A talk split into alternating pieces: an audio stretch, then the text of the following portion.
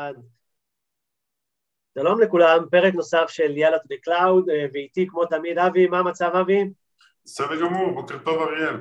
בוקר טוב, אה, היום איתנו הבאנו תותחים כבדים, ככה את יבגני, מה העניינים יבגני? אהלן, בוקר טוב. אז אה, יבגני הוא מנהל הטכנולוגיות בדואית, חברה נרכשה, נכנס בפנים, ואנחנו מזמן רצינו לעשות פרק, והקורונה קצת עצרה אותנו, ואמרנו, נעשה גם סדרה של פרקים, לא רק אחד. בפרק הזה אנחנו רוצים להתמקד uh, בעולם של Kubernetes ולדבר על managed versus unmanaged, אז אולי ככה אבי אתה תתחיל ותבחר למה כן managed, בוא נגיד ככה. אז קודם כל, managed תמיד נוח, כי זה כאב ראש של מישהו אחר. אין לי שום יתרון יחסי בלנהל קלאסטרים, אבל אם יש מישהו שזה העבודה שלו 24/7, הוא כנראה יהיה מנוסה יותר, הוא כנראה ייתקל בפחות בעיות ממה שאני אתקל פה. ו- ואם משהו נשבר, זו לא בעיה שלי, אני לא צריך להתעורר בלילה כדי לתקן את זה, כי יש מישהו שדואג ל control plane ומשאיר אותו באוויר. סיבה נוספת, יבגני? אמ, בעד, אני דווקא רוצה נגד. אה, כש... לא, אבל אני חושב שדווקא, בדיוק, דיברנו, לא, דיברנו קצת בפרק האחרונה, ואותי זה מאוד מעניין.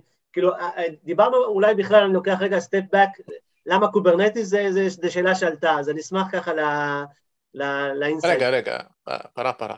אז אה, לגבי managed Kubernetes, נכון שה control plane הוא באחריות של מישהו אחר, אבל זה גם אומר שמדי פעם הם באים ומשנים את הגרסה או משנים כל מיני דברים שם.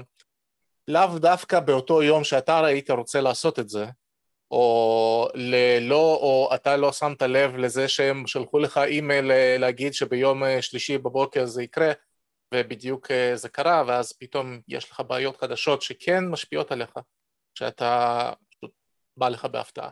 אז צריך להיזהר מהדברים האלה, ואם כן משתמשים במנג'ד, אז צריך לשים לב מאוד מאוד טוב לזה שהם כן משדרגים דברים והם כן משנים דברים מדי פעם. אה, מצד אחד זה טוב, מצד אחד אה, זה מגיע בהפתעות. לגבי Kubernetes באופן כללי, אם צריך אותו או לא, אז שאלה. לפי דעתי ודעת הרבה אנשים מנוסים אחרים, כשאתה, כש, כשהאפליקציות שלך לא מספיק גדולות, מפוזרות, עם הרבה חלקים אה, והרבה אנשים שעובדים עליהם, ההתעסקות עם Kubernetes באופן כללי גוזלת יותר מדי זמן וזה לא משהו שכדאי לרוב העסקים היותר קטנים או האפליקציות היותר קטנות בכלל להתעסק איתו. Mm-hmm. אז, אז לא כדאי, אבל כמובן בעסקים הרבה יותר גדולים כשיש להם כמה עשרות או אפילו כמה מאות אפליקציות וכמה מאות מפתחים, החשבון הוא אחר לגמרי ואז זה כן משתלם כי זה מוריד הרבה מאוד, אמ, בוא נגיד זה ככה, זה, בדיוק, זה מביא הרבה סטנדרטיזציה לתהליכים ואז באמת, ה, כמו שאבי אמר, אין יותר מדי overhead או יש הרבה פחות overhead. כן. אוקיי. אה, אם כיסינו את העניין הזה של אה, למה ומתי Kubernetes וה managed אז אה, עוברים ל-unmanaged, היתרונות אולי אבי, או שאתה רוצה להוסיף עוד משהו בתחום של ה managed? אני דווקא אדבר על היתרונות של ה-unmanaged, ובהמון סביבות סגורות משתמשים בגרסאות תוכנה מאוד מאוד ישנות. אם אין לך איזה SOC או compliance שאתה חייב להיות up to date, תקנת פעם MySQL 4, עובד, עובד נהדר. אמ, ולמה אני אומר את זה? יש ב Kubernetes משהו שבאמת אני לא מצליח להבין את הקהילה בקטע הזה. הם אוהבים לשנות API, הם אוהבים לשנות את ה-API endpoint ואז אתה משדרג cluster, או שדרגו לך את ה cluster, אם זה managed. אמ, ושום דבר לא עובד. כי ה-deployment שלך משתמש ב-API שהוא deprecated עכשיו, אנחנו בחברה נגיד עשינו פרויקט שהוא סורק לך את ה cluster ואומר לך מה יישבר אחרי השדרוג, אבל זה משגע אותי שאין את התמיכה הזאת לאחור, ואנחנו רואים המון פעמים אנשים שבין אם מרצון או בין אם לא, שדרגו את ה cluster והכל למטה.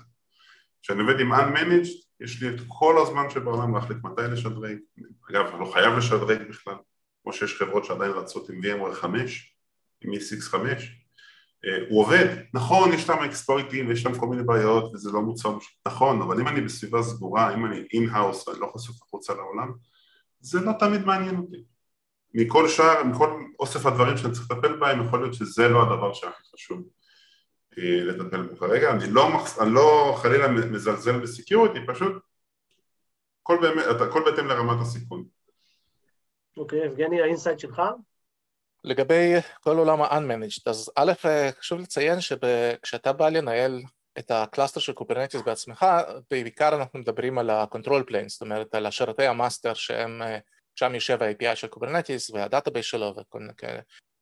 יש חברות היום שנותנות לך מוצרים שאתה יכול להתקין לבד, כמו Rancher או OpenShift או עוד כמה וכמה, כשאתה יכול להתקין אותם בענן, on-premise, מה שבא לך, ו- ואתה מקבל שם תמיכה, אז אם דברים נשברים או לא עובדים, אז לפחות יש לך עם מי לדבר, אבל ברוב המקרים, אם זה מערכת ייצור, זאת אומרת production, אז כשדברים נשברים ב-masterים, ב-control plane, זה צרה צרורה, כי כל ה-cluster מפסיק לעבוד, אמנם האפליקציות שלך עדיין ממשיכות לרוץ איפה שהם רצו, אבל אפליקציות חדשות לא יכולות לעלות וכל מיני דברים מפסיקים לעבוד.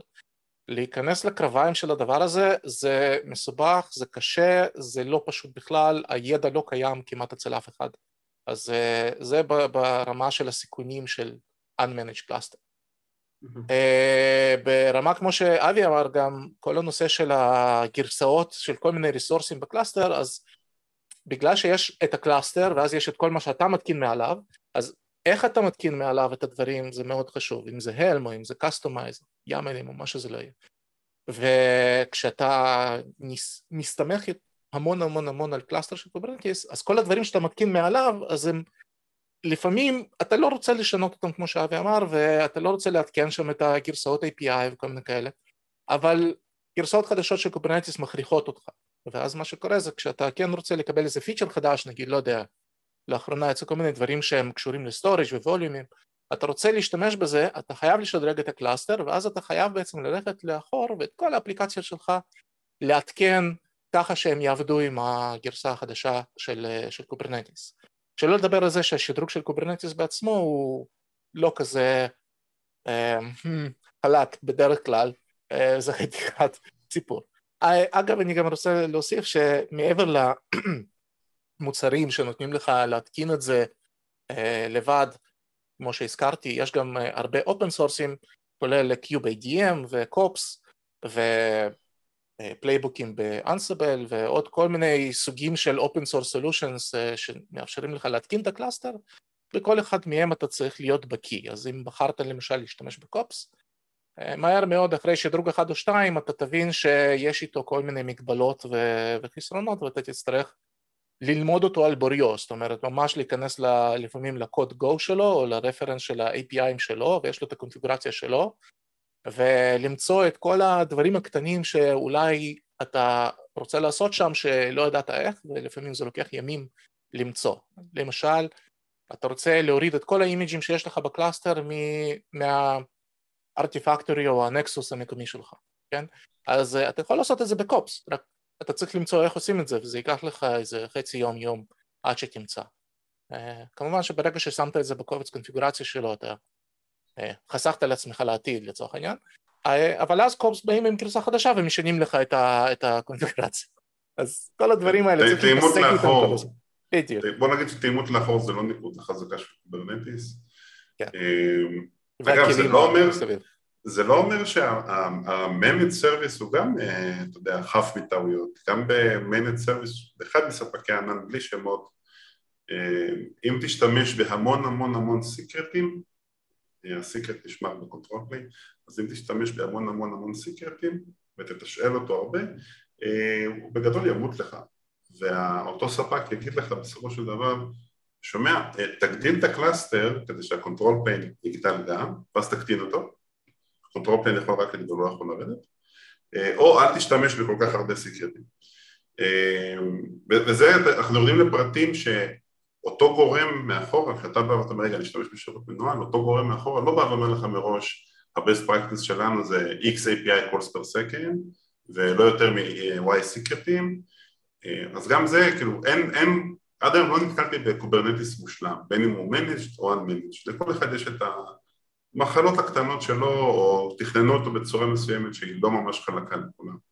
זה, זה בדיוק מה שלפני זה רציתי לשאול אולי אבי ויבגני, האם יש לנו איזה key, key, key משהו, איזה best practices להגיד אוקיי, אם אתם ארגון קטן, ארגון בינוני, ארגון גדול, אה, ואולי מה הצפי, כאילו איך אנחנו יכולים לכוון רגע אנשים להגיד במצבים האלה, שוב, לא כולם, אבל כדאי uh, manage, ולעומת מתי uh, כדאי ללכת לכיוון של unmanage.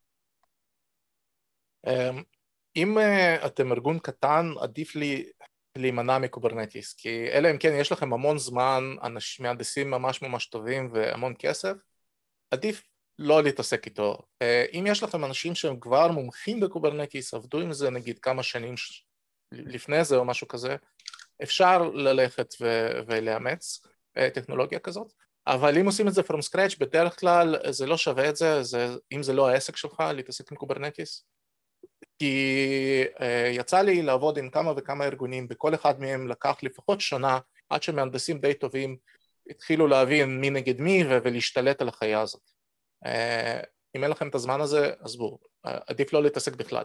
אה, אם אתם, אה, יש לכם מהנדסים טובים ואתם מתעסקים ב Kubernetes ויש לכם אה, צורך בסטנדרטיזציה מהסוג ש Kubernetes מבטיח, אז עדיף ללכת על managed כי חוסכים לעצמכם את כל ההתעסקות בקלאסטרים שנופלים פתאום מכל מיני סיבות לא ברורות ואז צריך להשקיע ימים או שבועות בלנסות להבין את הסיבות.